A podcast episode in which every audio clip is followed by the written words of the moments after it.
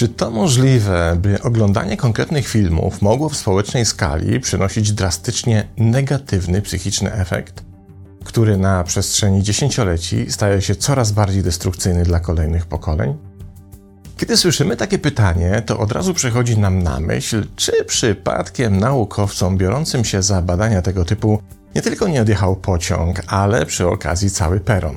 Bo przecież jakież to filmy mogą ryć nam społeczną banię? Horrory, superprodukcje z Bollywood, a może jakieś pojedyncze tytuły, bo przecież po obejrzeniu Mechanicznej Pomarańczy, Brazil czy do niego Darko, robi się trochę dziwnie, prawda? A po tym ostatnim jednak sympatyczne skądinąd króliki nie wydają się już takie milusie.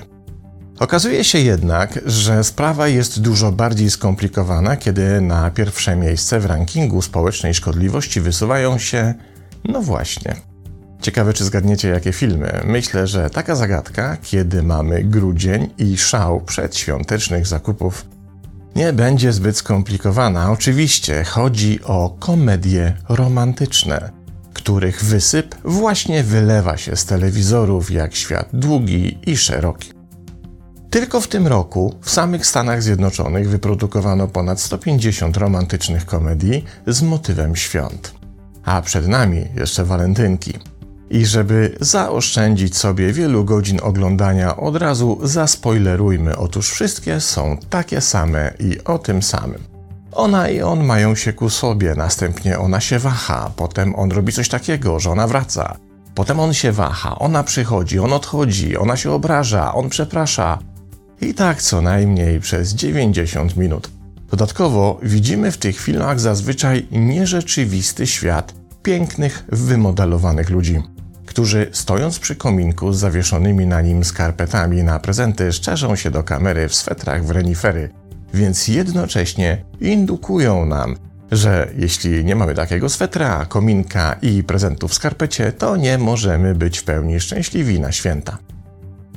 Ale jak się okazuje, nie tylko to przykuło uwagę badaczy. Dr Jotam Ofir z Wydziału Komunikacji Społecznej Uniwersytetu Buffalo oraz jego zespół w ramach raportu Big Data przeanalizowali scenariusze 188 najpopularniejszych amerykańskich komedii romantycznych nakręconych pomiędzy 1980 a 2019 rokiem. Celem badania było z jednej strony sprawdzenie, jakie postawy społecznych oczekiwań wobec związków, aktywności seksualnej oraz ról płciowych są kształtowane poprzez przekaz tych filmów, szczególnie w młodym pokoleniu, a z drugiej strony to, czy te społecznościowe wzorce indukowane nam przez tego typu filmy na przestrzeni ostatnich 40 lat uległy zmianie. Założono, że scenariusze tych filmów mogą serwować młodemu pokoleniu całą serię wprowadzających w błąd komunikatów, co przekłada się na konstruowanie fałszywych oczekiwań wobec relacji. Wśród odkryć badaczy znalazło się to, że w komediach romantycznych istnieje poważne zaburzenie proporcji zaangażowania ludzkiej aktywności, w której wtłaczane jest przekonanie, że sprawy związane z relacją, związkiem, romantycznymi sytuacjami czy dialogami są dominujące w stosunku do innych życiowych aktywności. Przekaz jest więc następujący. Kiedy jesteś w związku, to wszystkie inne sprawy schodzą na dalszy plan i tracą na znaczeniu. Będąc w związku, nie trzeba się więc troszczyć o płacenie za czynsz, wyrzucanie śmieci czy rozwój intelektualny, bo w związkowej aktywności nie ma już na to czasu. To co ważne, dzieje się wyłącznie pomiędzy partnerami, a cała reszta niejako wydarza się bez naszego udziału. Taki zaś przekaz, według naukowców, kształtuje fałszywą postawę, która docelowo, marginalizując inne obszary życia, wypracowuje model funkcjonowania, w którym z biegiem czasu zaczynamy sobie coraz gorzej radzić z tak zwaną obsługą bieżących spraw. Stajemy się więc coraz mniej społecznie sprawczy i byle przeszkoda urasta do życiowej katastrofy, z którą nie wiadomo jak sobie poradzić.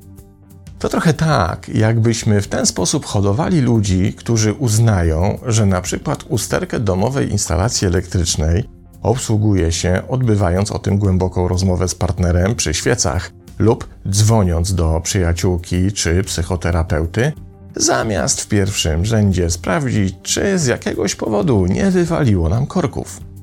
Niestety w ciągu tych przebadanych 40 lat ta zaobserwowana dysproporcja pomiędzy sprawami romantycznymi a codziennością w filmowych scenariuszach urosła już do absurdalnych rozmiarów i z roku na rok jest pod tym względem coraz gorzej. Ale to nie jedyny problem i niestety nawet nie najgorszy. Prawdziwym demonem społecznej komunikacji komedii romantycznych jest promowanie fałszywego obrazu związków, które w filmach są budowane na efekcie relacyjnego jojo. Ten termin został owszem zapożyczony z obszaru dietetyki i odchudzania, ale nie dotyczy wyłącznie zmagań z nadwagą.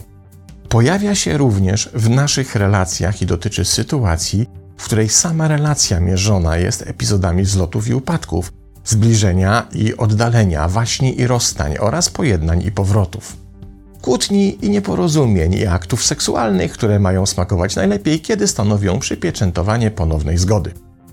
W takiej dynamice relacji nasz emocjonalny system przypomina właśnie zabawkę jojo, czyli kółko, które nawija się na sznurek, przybliżając w ten sposób do dłoni, by po chwili zacząć się kręcić w drugą stronę i od tej dłoni oddalić. Emocjonalne jojo więc nieustannie zamienia emocje podejścia, pragnienie, pożądanie, potrzeba bliskości w emocje wycofania, rezygnacja, niechęć, wątpliwości i tak bez końca. I właśnie taki rodzaj związku pokazywany jest w zdecydowanej większości tych filmów. Nawet jeśli mają one, po to są komediami romantycznymi, by miały szczęśliwe zakończenie, to i tak przez cały film oglądamy nieustanną grę w relacyjne jojo, na której to grze osadzone są wszystkie filmowe zwroty akcji. Przywiązanie i bliskość błyskawicznie przeskakuje w poczucie wolności i niezależności. Poczucie bycia zdradzonym, oszukanym czy urażonym w następnej scenie zostaje wymienione na fajerwerki ponownego głębokiego zaufania, poczucia bezpieczeństwa i świetlanej wizji wspólnej przyszłości, by już w kolejnej scenie pojawiły się ponownie wątpliwości, nowe, zmieniające dotychczasowe nastawienie fakty, czy coś, co rujnuje tak pięknie rozwijające się oczekiwania i nadzieje. Emocjonalna huśtawka jojo trwa do ostatniej sceny. Do tego sprytni scenarzyści operują swoją ulubioną techniką niejednoznaczności postaci, bo dzięki temu widz ma możliwość identyfikacji z reaktywnością emocjonalną każdego z bohaterów. Im zaś bardziej uda się ten identyfikacyjny efekt scenariuszu zbudować, tym bohaterowie historii stają się nam bliżsi, a dzięki temu również prawdziwi. A więc to, co odczuwają i z czym się zmagają, również odbieramy jako prawdziwe. I tutaj niestety pojawia się niespodzianka. Otóż z relacyjną prawdziwością nie ma to wiele wspólnego. To tylko scenariuszowy zabieg, byśmy siedząc przy choince wtrążalali na przemian ciasteczka z nerwów, czy im się uda, i pochlipywali w chusteczkę, kiedy szanse na szczęśliwe rozwiązanie jednak maleją. W tym miejscu ktoś westchnie, no przecież to tylko film, rodzaj banalnej rozrywki, więc chyba nie traktujemy tego poważnie. No oczywiście, że nie traktujemy tego poważnie, ale jakoś dziwnie później uznajemy, że jeśli nasze relacje nie są odpowiednio romantycznie burzliwe i nie są zbudowane na efekcie jojo, to przecież nie mogą być ciekawe, bo nie ma o czym opowiadać koleżankom przy kawie i kolegom przy piwie. Nie ma dynamiki, nie ma napięć, nie ma szaleństwa, nie ma zwrotów akcji, więc to nie może być prawdziwa miłość. I niestety, według badaczy, tak myśli wielu młodych ludzi zainfekowanych takim właśnie fałszywym obrazem naszych relacji, co powoduje, że trwałe relacje jest im zbudować zdecydowanie trudniej. Bo niestety w życiu już szczęśliwe zakończenia ze swetrami w renifery nie zdarzają się za każdym razem. Co więcej, powiedzmy sobie szczerze, zdarzają się niezwykle rzadko. A dzieje się tak dlatego, czego niestety nie znajdziemy w żadnym z tych filmów, że system emocjonalny funkcjonujący w aktywności jojo traci sprawność energetyczną. Bo w takiej relacyjnej jeździe bez trzymanki prędzej czy później pojawia się moment, w którym mamy tego dosyć i żaden swetrowy renifer nie jest już tego w stanie zmienić. Moja miłość zamienia się w moją byłą czy w mojego byłego, o których już raczej nie wypowiadamy się w pozytywny sposób. Co więcej, w każdym kolejnym związku będziemy wykazywali tendencję do projekcji oczekiwań i zabezpieczeń przed doznanymi wcześniej urazami, co na daną relację będzie rzucało cień. Ten zaś z kolei będzie dodatkowo zasilał efekt jojo, powodując, że owszem, dynamika może być jeszcze bardziej burzliwa, ale efekt wyczerpania ego nastąpi dużo wcześniej. I w ten sposób rośnie perspektywa coraz burzliwszych, ale coraz krótszych związków, które zgodnie z wytycznymi romantycznych komedii zaczynają być wszystkie dokładnie takie same. Autorzy badań podsumowują je dosyć krytycznym wnioskiem. Mówią, że młodzi, kształtujący dopiero swoje życiowe postawy ludzie otrzymują przekaz, że bez względu na przeszkodę, taką jak niewierność, oszustwo czy skrajną niezgodność, miłość oznacza ignorowanie tych różnic i przeszkód nawet kosztem przyjaciół, rodziny czy kariery, bo przecież miłość finalnie zwycięża wszystko.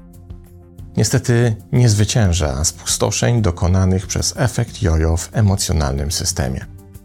Oraz tego, że od przyjęcia perspektywy, że prawdziwa relacja, by była super, musi być trudna oraz burzliwa, do przekonania, że również tak musi wyglądać udane życie, nie tylko prywatne, ale też zawodowe, prowadzi już krótka ścieżka. A ani życie, ani też nasze relacje nie wymagają efektu jojo. Co warto rozważyć, kiedy postanowimy się świątecznie rozerwać przy kolejnej romantycznej komedii. Pozdrawiam.